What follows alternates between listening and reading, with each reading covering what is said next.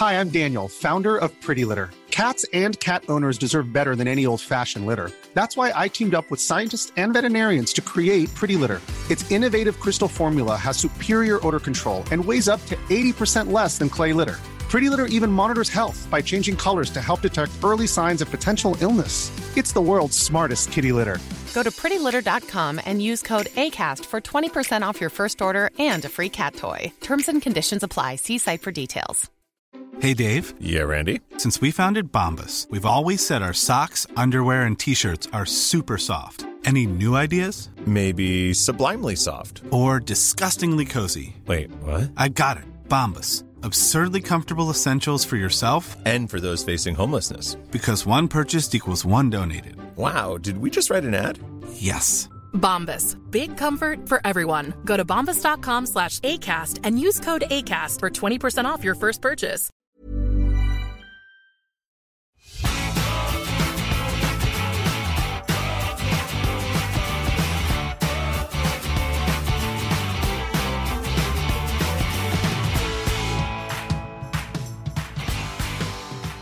Heavier sanctions, European dependency on Russian gas, and Russian access to Norwegian ports. As the relations to Russia is intensely debated, we hear less about our Ukrainian business relations. What do we know about these relations and how can they be maintained through these horrifying times? Welcome to you, Håvard Notøy, Thank you. and welcome to you, Victoria Coilo. Thank you. Håvard first. Uh, you have a history from uh, Rolls Royce and later in Havyard. hmm In uh, 2015, you jumped off and established a new company. Uh, it is called Fostec and is located in Fosnavåg.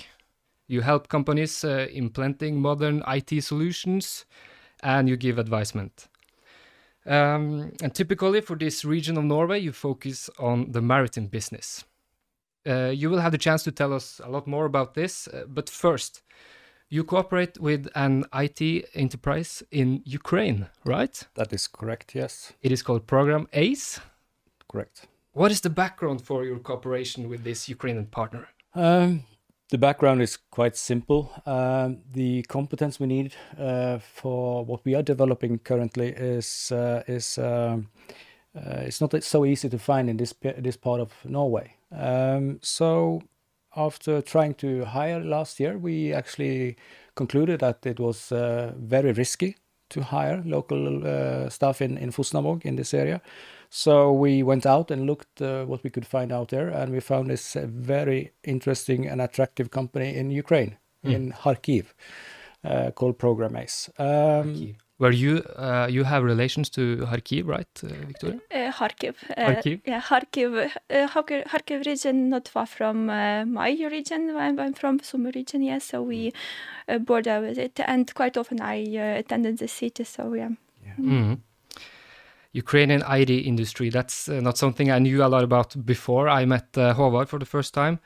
Uh, Victoria, you are associate professor at the university NTNU on their division here in Ålesund, and you have a PhD in economics, and you are Ukrainian. And uh, as you all can hear, this episode is in English, so that we will reach uh, an even broader uh, audience than usually. You are participating here in this episode both as an expert in economics and as a Ukrainian citizen. Um, and thank you for dealing with this special double role. Uh, in the very beginning of the war, I called you, uh, and you were a bit restrictive of being interviewed. Now you're here. Yeah. What has I- changed?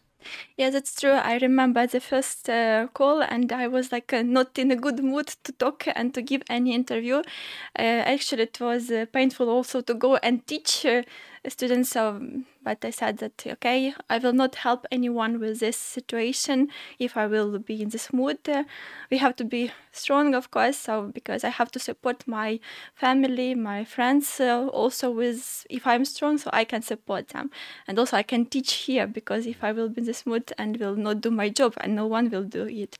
So with it, within some time, I was like. Uh, more uh, more or less better yes so i could do my job so now also i feel like it's a good time actually to talk about it because it's important uh, we want to know the consequences of this situation um, in Europe, in Norway, and in general in this region, Møre Romsdal. Yes, so it's quite important, and um, yeah, so I'm happy to be here. Thank you. Mm. Let's take a look at the um, economics first. Uh, this is a business video podcast. Uh, you wrote to me earlier that Russia accounts uh, for less than 2% of world gross domestic uh, product, while Ukraine accounts for only 0.14%. Not a lot. Um, so it looks like they have little direct impact on global supply chains, you wrote. Nevertheless, there's a few very important areas which should be mentioned. So, could you briefly list like the most important consequences of this war on the economy in Europe? Um, yeah, um, I could say that there are lots of uh, different areas where we can see this influence, um, the consequences of this war. And uh, first of all, we know it's oil and gas industries, so energy, energy uh, sector, yes, um, agriculture sector, and um, yeah, it's about. Like uh, we know that energy sector already was impacted even before the situation due mm. to covid and so on so on. High prices uh, on energy sources yeah. But uh, nowadays what we see we are trying to get rid of the dependency on russian uh, uh, oil and uh, gas. So we are looking for new possibilities for new markets. So it's like um, we can call it good time for norway yes but even prime minister he said like uh, yeah, it's like uh, to have profit on the war, like it's a not a good situation, not good time. But or gas can even be like green in the EU taxonomy. Yes, exactly. they are discussing this that it can be included um, because uh, we previously invested a lot in re renewable market, um, and uh, what we can say that in future in this uh, this year. So we don't forget about it, but also it will be less uh, uh, important for us because um, we know that uh, it can't replace all energy that we need. Uh, so definitely we will look for other uh, sources. Like I know that in Italy and France they already started to think about even opening those uh, coal uh, plants again just mm-hmm. in emergency because they know that renewable market will not replace that energy that uh, we need till the end of the year yeah so definitely it impact price on energy sources new uh, ways of uh, having uh, energy yes yeah. Um, so everyone who drives a gasoline or diesel car can see that yeah, yeah. So price on uh, those and gas and gas, uh, yeah, and um, also like agricultural issues. Yeah, mm. we know that uh, Ukraine and Russia, it's like uh, altogether one sort of uh, supply, like of those uh, grain, wheat, barley, sunflower oil as well. So um, like Europe, uh, it's less dependent on these things, but when it comes to um, like low, uh, low um, economic development countries, countries, that really need this food. Yeah, for example, Egypt, eighty percent dependent on those things mm. from mm. from those countries. So definitely, yeah, and also like um, when it comes to um, the seafood industry here in Norway. So also like um, I saw statistic like 120,000 uh, tons of um, of lux uh, should uh, salmon? yes salmon should find new markets because we can't deliver now it to Russia, Belarus, to Ukraine due to ports uh, issues and. Let's hold on to to the fish. we knew mm -hmm. from before that Ukraine is an extremely important grain producer, but also you have pointed out that that Mariupol was a very important yeah. port for Norwegian fish and let's be honest, uh, the city is is destroyed. Uh, can you say a little bit more about how uh, Norwegian fish uh, played a role?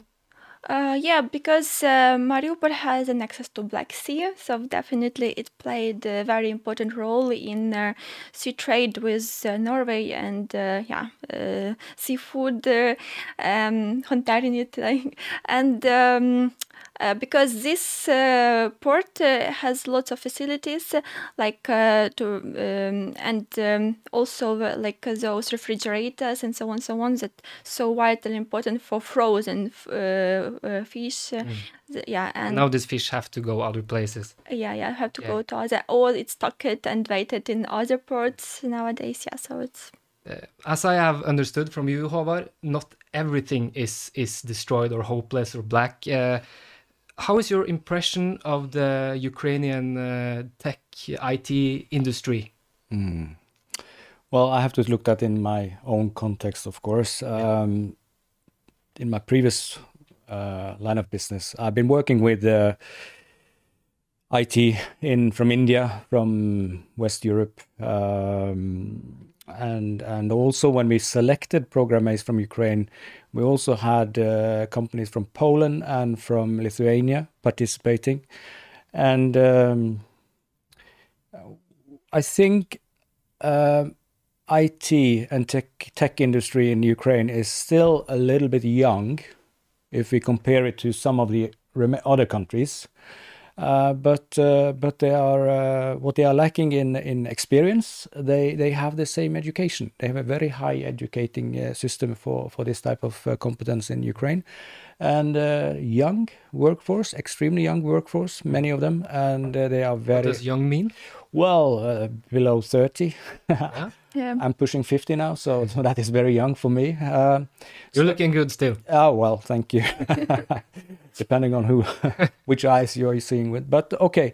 Um, but yeah, we in, in general, we have a good impression. Um, so in combination of, uh, of uh, competence, experience, and, and the price level, it was a, it was a, a, a quite uh, easy decision at the end for us to go there. And they're still running. They're not down. Well, yes, both yes and no. Uh, Kharkiv is the second largest city in uh, in Ukraine, right?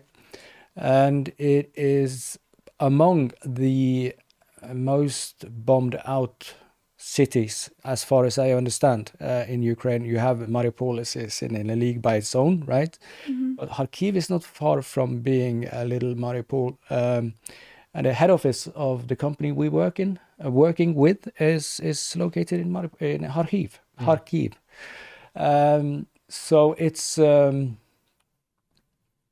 it's been really disturbing uh, to work with them. Um, normally, we we can work uh, like we are doing uh, in no- uh, normal conditions, normal uh, business rules and requirements, right? But then you throw uh, um, the war into this, and you think, okay, uh, and and from from week to week, I'm just crossing my fingers and praying a little prayer every evening, and hope that uh, the guys who was participating in last week's status meeting will connect and be there the week after. And luckily, so far, everybody is there. But uh, our technical lead in Kharkiv, uh, as you saw from the pictures I showed you yesterday, they are living in the basement. And we'll he- talk more about your Yeah. business uh, partners in Ukraine. Okay. Uh, but first, we should have a little look about what your company that you established in 2015, uh, Fostec, uh, what it does. Um, we can tell that the publication Net.no, Net uh, no, wrote earlier this year that Fostec has made an innovation contract with Innovation Norway, releasing 2.5 million kroners in support, and uh, the pilot customer is REM Offshore. Uh, so first, what is your goal with this project? Okay. Yeah, we we've been uh, we've been running since 2016 uh, in practical. It yeah. says uh, 2015 in, uh, in the registers. Yes, that is the register date. Uh, Okay. uh, we count from 16, and and uh, we have uh, learned a lot with regards to uh, what we call mixed reality. So we work very close with Microsoft and, and a product they call Hololens. Uh, somebody else like to call that technology for augmented reality, but uh, Microsoft hasn't done that. They have branded it as mixed reality. You should, you should describe this to Oh, like uh, yeah. a five-year-old. What, would you five say? year old put on a pair of magical sunglasses that can project uh, all kind of information uh, in the room that you are in Hmm. In 3d or in flat screen whatever kind of information you need to take a better decision or getting entertained So it's actually to carry on a pair of glasses that can actually replace your computer and do so many cool things more than what a computer can do. I've seen pictures of children um, and what they see in their glasses, and it's like a 3D heart, by instance. Correct. Not only a picture, but they can see the heart and almost touch it, right? Almost touch it, yeah. Yeah. Cool. Um, what what will be your next steps uh, this year? Okay, so we were financed uh, uh, almost a year ago. Uh, every all the pieces in the puzzle went uh, into the proper places, and we are now in the phase where we are developing our own uh, software solution, and we would like to to go to market with that during the summer, this summer, Uh, and that is where Rem Offshore is coming in as our pilot customer for the project. And uh, so far, uh, the feedback we've got from from the uh, the users so far has been very good. So we are really really excited about this next phase we are going into now. So you're taking the step from being a startup to actually Yeah. establishing. Yeah. Sounds great. Yeah. Let's go back to one of your business partners, one that is called Oleg Fonarov. How would it uh, be pronounced in uh, Ukrainian? Oleg uh, Fonarov? Fedorov, yeah. Fonarov. yeah. In a blog post on LinkedIn, uh, he recently expressed some disappointment and frustration. Um, he wrote about what he called unexpected challenges from the West during the war. And I will read uh, a little about what he is uh, concerned about. Um, in order to support Ukraine, there are a lot of Western brands to either cut back, suspend, or shut down operations and trade with Russia in response to its invasion of Ukraine. Also, governments of many countries, non-profit organizations, commercial companies, and individuals help Ukraine, Ukrainian companies, and people directly, here in Ukraine and from abroad. But some Western companies do the opposite, he states. He says Western customers close outsourced IT projects, fairly assessing, assessing the risk of doing business in Ukraine. And Fonarov also states uh, that some companies are aggressively hiring on the Ukrainian job market, taking advantage of the temporary weakening of Ukrainian companies. It doesn't, this doesn't sound good. He also says that some Western companies is trying to hire Ukrainian developers directly as freelancers and then degrading uh, Ukraine uh, as being one of the leaders actually in the software industry into a resource reservoir. And some are, uh, Fonarov writes, even trying to break non solicitation agreements. This was a difficult word, but it's about trying to take customers away with them and then breaking the deals that they originally had with the Ukrainian companies. Victoria, you have, of course, many contacts in your home country. Have you heard about such examples too, or, or not? Um, okay, so I can tell that it's true. So many young people work in this industry. Like I'm 30 years old and have friends that are also IT specialists. Uh, this uh, age and um, what I've heard um, nowadays uh, from them. So it's like a different situation, different. it depends on which country you work for now, because yeah, IT industry is very outsourced. So like um, many, uh, like um, they work for even for Russia. They worked. I know. Uh, Is so- it true what he says, uh, Oleg Fonarov, that Western companies are kind of like Uh, breaking deals or taking advantage of the situation? Uh, I could say, uh, based on that thing that uh, I've heard from friends, uh, I didn't hear uh, You, those you didn't hear it. Yeah. So it's not like this is uh, what everyone experienced, probably. Like if if it comes to Russian companies, so yeah, it's true. Like uh, some of them uh, like cancelled those deals. Some of them started to be stricter, so they like um, yeah they more demandful and it's you, so you mean. Russian companies? Yes, so that that uh, Yeah. have that with, have Ukrainian companies? Yes, yes, that with Ukrainian IT I mean, uh, those nowadays are either lost some con- uh, some contracts, some um, agreements, uh, uh, or they uh, really started to behave not super polite. Yes, in the, with them.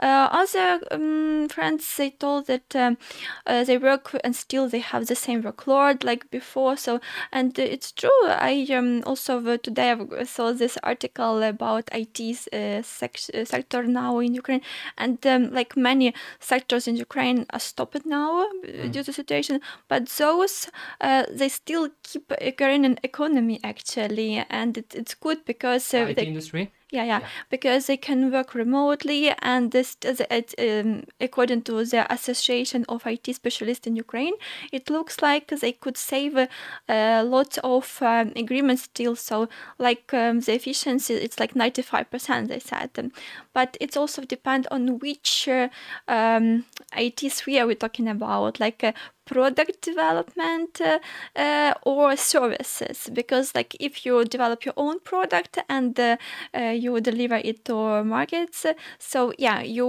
uh, you are so important. But when it comes to services and it's 70% uh, of general IT sector in Ukraine so it's problematical um, more problematical. Because in the beginning of the war so many companies western companies they really were um, like uh, concerned, concerned yeah. of the situation, and they were uh, thinking like to cancel some contracts because they didn't because they saw that like in Kharkiv, uh, so many specialists and they are in shelters, so they even working from basements. As yeah, yeah, yeah. So, but some don't don't have internet, so really, uh, they were stressed in the beginning. So but they were. It looks a bit better, you say? Yeah, because I started to uh, to see that okay, they still work even in shelters. They see oh mm. people work uh, even there, and um, also this um, Ukrainian Association of IT Specialists, they decided to be some kind of garant uh, uh, to ensure, uh, to provide with insurance even those uh,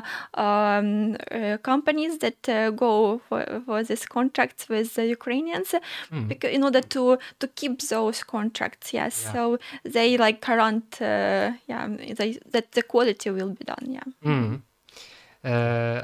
I have to point out that Fonarov also writes that uh, fortunately, my company Programace has reliable partnerships partnerships with many Western partners, and we highly appreciate their position. And he has this, uh, yeah, he, he kind of almost uh, screams it out that mm-hmm. he's very uh, satisfied with with some of them. I think that your company could be one of those that he's satisfied with, or what? Are you um, reliable? I hope so. Yeah. Um, Many of us have those stubborn pounds that seem impossible to lose, no matter how good we eat or how hard we work out. My solution is PlushCare.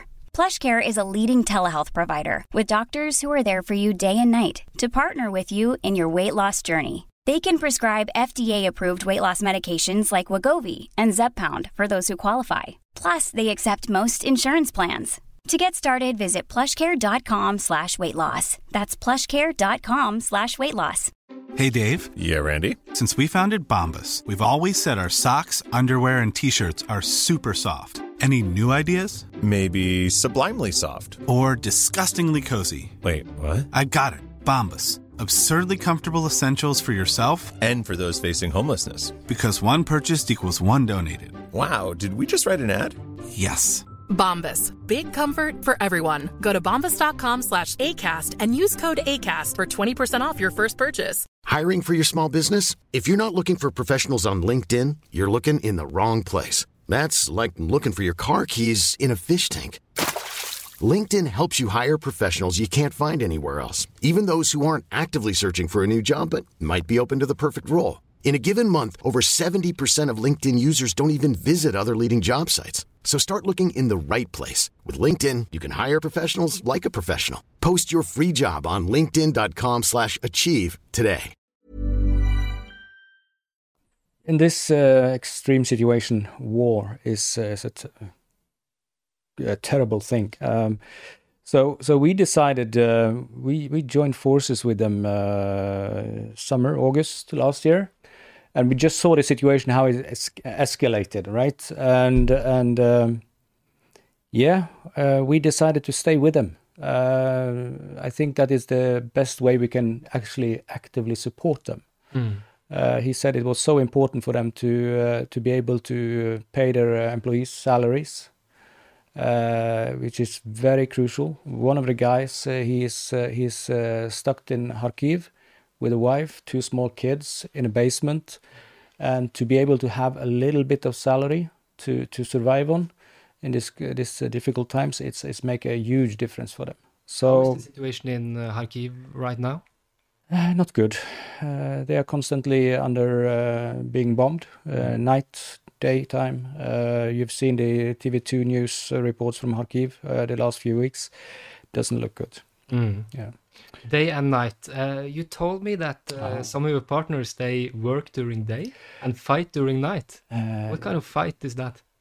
Uh, yeah, I I uh, I wonder myself. Uh, but it was said before the war uh, started, actually, that uh, our previous project manager um, he said he had volunteered for the uh, for the army, and he had an agreement that he would uh, work uh, and do his job, day job, during daytime, and then he will participate uh, as good as he can, uh, assisting the the uh, the army during nighttime. But of course, that is nothing that can go on for a very, very long time. So you have to sleep. And our, our guy in Kharkiv, he says some days he can't uh, he can't join our status meeting because he has to go outside for for food, for bringing water back to the family, and stuff like that. So so yeah. But These are uh, IT specialists. Do Yeah. they also participate in cyber warfare? I can't say yes or no to that question. I understand. Yeah, but I think that it has been admitted uh, from from some, uh, not necessarily these people, but that it's common that the industry fight in those manners Mm. too. How is it uh, hearing all this about what is going on in Ukraine? You're here in Norway. We're talking about the economy, but how, how is this for you, Victoria? Um, one word is painful. It's Mm. true. Yeah, and um, I'm really happy that um parents in this region where nowadays it's like a little bit calmer, but we call that uh, in Ukraine we don't have safe zone anymore because uh, you don't know where it will end up this uh, bomb because it's so random and uh, unlogically. Like we n- never thought that it will be on west of ukraine but we know that bombs were in lviv and even in poltava where it, where it was very safety before but nowadays um, it can come everywhere anytime so um, yeah you never know. So definitely um, we can't say that uh, mm, mm, yeah. Uh, even in that region it's calm situation now. So they are trying to live like before of course uh, they're trying to come back to life uh, and uh, when it comes to my uh, far, um, parents they don't want to come here. I invited them to norway but they know we will not leave the house. Uh, we want to stay home so Why? Um, I can understand partly them from security point of view. Of course, I for me it's uh, much better if they with me, but uh, they uh, feel like um, they want to stay home because everything is here, and um, yeah, if someone will come here, they want to protect this because it's they created everything by themselves. For example, my father and mother they built this house uh, by themselves. So um, yeah, I can understand partly. Yeah. There will be a time after the war. What is the most important to do now to make sure that the economy uh, and Ukraine itself can be restored as quick as possible afterwards? Actually, what I've heard today uh, is how um, our president nowadays is talking uh, to all uh, uh, other countries and uh, to parliaments.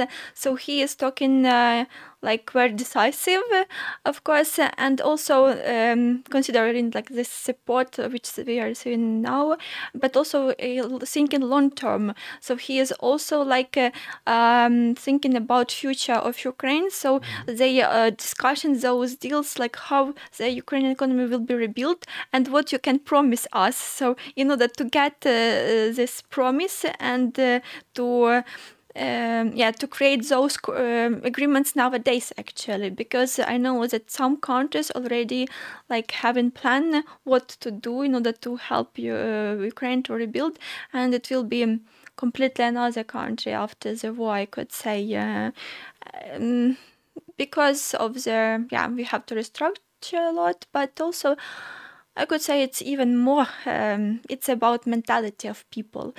I could say it will be another nation because even we didn't know that we are so strong. We even didn't know about ourselves a lot. And if we, for example, before hesitated uh, in ourselves, Nowadays, no, we don't hesitate. We know who we are nowadays. And it's important. It's strong shifts in mentality. Even I am being here far from that situation. But I am changing already. I feel it really. Um, so lots of steps uh, it took for me. Actually, I had lots of shifts in mood and so on, so on, lots of feelings, anger, um, hopeless, and so on, so on.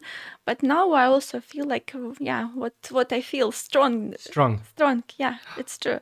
And everyone in Ukraine now feel, and more like so many Ukrainians before, like um, in my surroundings, like relatives, they considered before to go abroad and to try themselves in another country because of better salary. Nowadays, no, they said I have such a big choice to go there and there because every country can accept me. But I don't want. I want to uh, to rebuild my country. And they said actually we lived good. It was a good life, they said. And uh, because now we can compare, yes. uh, and they believe that, and I believe that it will be much better when all we need just to stop the war now. Yeah. Yeah, it's true. What about your business partners? What do they say about future? Um, I really don't know much more than what you've already been reading from uh, from um uh, his statements. Uh, maybe it's important that we also emphasize that he's uh, the statements from uh, how do you pronounce his name? Oleg Fonarov? Fodorov. Yeah. Yeah, he's the CEO and the founder of a company called Program Ace. They are approximately 160 employees. Oh, there are that many. Yeah, so so of course he sees uh, these challenges from his point of view, and I think that is important in the context of of what he's been writing here, and um uh, I think uh, we should support him as far as we can. But of course, there there is a, there's a there is always a limit of uh, how long we can stay there. If if we're not getting deliveries, uh, if they're not getting done what we are paying for, then then of course we need to reconsider. But but as long as it seems like we are on the right track, we are willing to stay there to support them as long as long as we can. And how is that track looking right now? Looking uh, good, looking good. We are a couple of weeks uh, delayed as we speak, but uh, who wouldn't be that uh, after a, a war erupted in your country? Yeah. So so uh, we are we are quite impressed what they have been able to do so far. Yeah. How did the video meeting yesterday go with the, these people sitting in their basements? Ah, it's uh, yeah we uh, it's it's it's it's very strange. It's uh, normally we talk to people sitting in office environment and uh, being safe, and you see one guy coming pulling with a mattress in the basement and making himself a little space where he can sit with his laptop on his knees. And in the opening of the meeting, he just said that he was just coming back with water and food to his family. Uh, and that is how their days are now. It's uh, I don't think we can uh, even try to comprehend uh, what uh, these uh, people are now going through. It's extremely difficult. Yeah. Everyone just have to stay strong. We have to finish this episode. There is one question that I always ask. I mean, whatever happens, we, we have to eat. Uh, what is your best dinner plans for this week? Want to be first? Victoria? Dinner plans Yes? for this week? Um, so hard. Uh, Is it hard? It doesn't have to be anything advanced. I just wonder what, what people buy, what people eat. um, I could say I became uh, uh, more Norwegian in this fight because Ukrainian food, uh, if to cook Ukrainian food. You're gonna buy uh, frozen pizza, Grandiosa from Strano? No, I'm talking about fish and something like salad. So for dinner, I'm not uh, super, um, yeah, uh, no, nothing heavy, yeah. And uh, actually, I don't cook uh, many Ukrainian, a lot of Ukrainian food for myself because it takes a lot of time. Yeah. So if I do it, I invite just someone to to share with this. Uh, but yeah, something similar, really. Fish is like a really typical answer here because I often have people from seafood industries in, this, see. in this show. What about you, uh, Håvard? Well, um, I don't know what's on the on the uh, menu for the remaining of the week, but we had uh, fish cake uh, the other day, Uh, it was a really nice uh, dinner. Mhm. Made it uh, together with my wife, and it was uh, even the kids said uh, yeah said yes. So so that was that was a good one. Even the kids, then Even the everything kids. is fine. Yeah. Thank you, both of you, for coming, Victoria Koilo and Håvard Notøy. Thank you. Yes, thank you. Thank you for uh, listening or uh, watching. We'll be back. See you.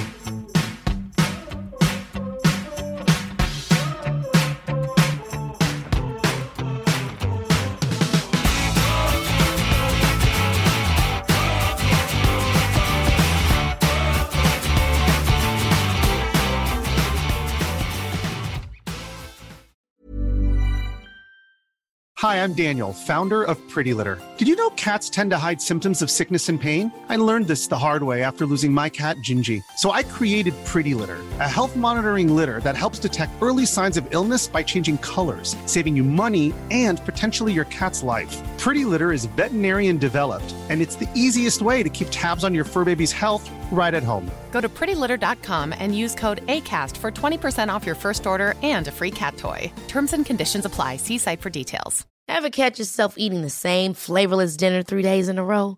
Dreaming of something better? Well, HelloFresh is your guilt-free dream come true, baby. It's me, Keke Palmer. Let's wake up those taste buds with hot, juicy pecan-crusted chicken or garlic butter shrimp scampi. Mm. Hello Fresh.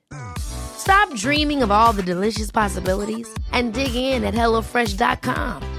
Let's get this dinner party started.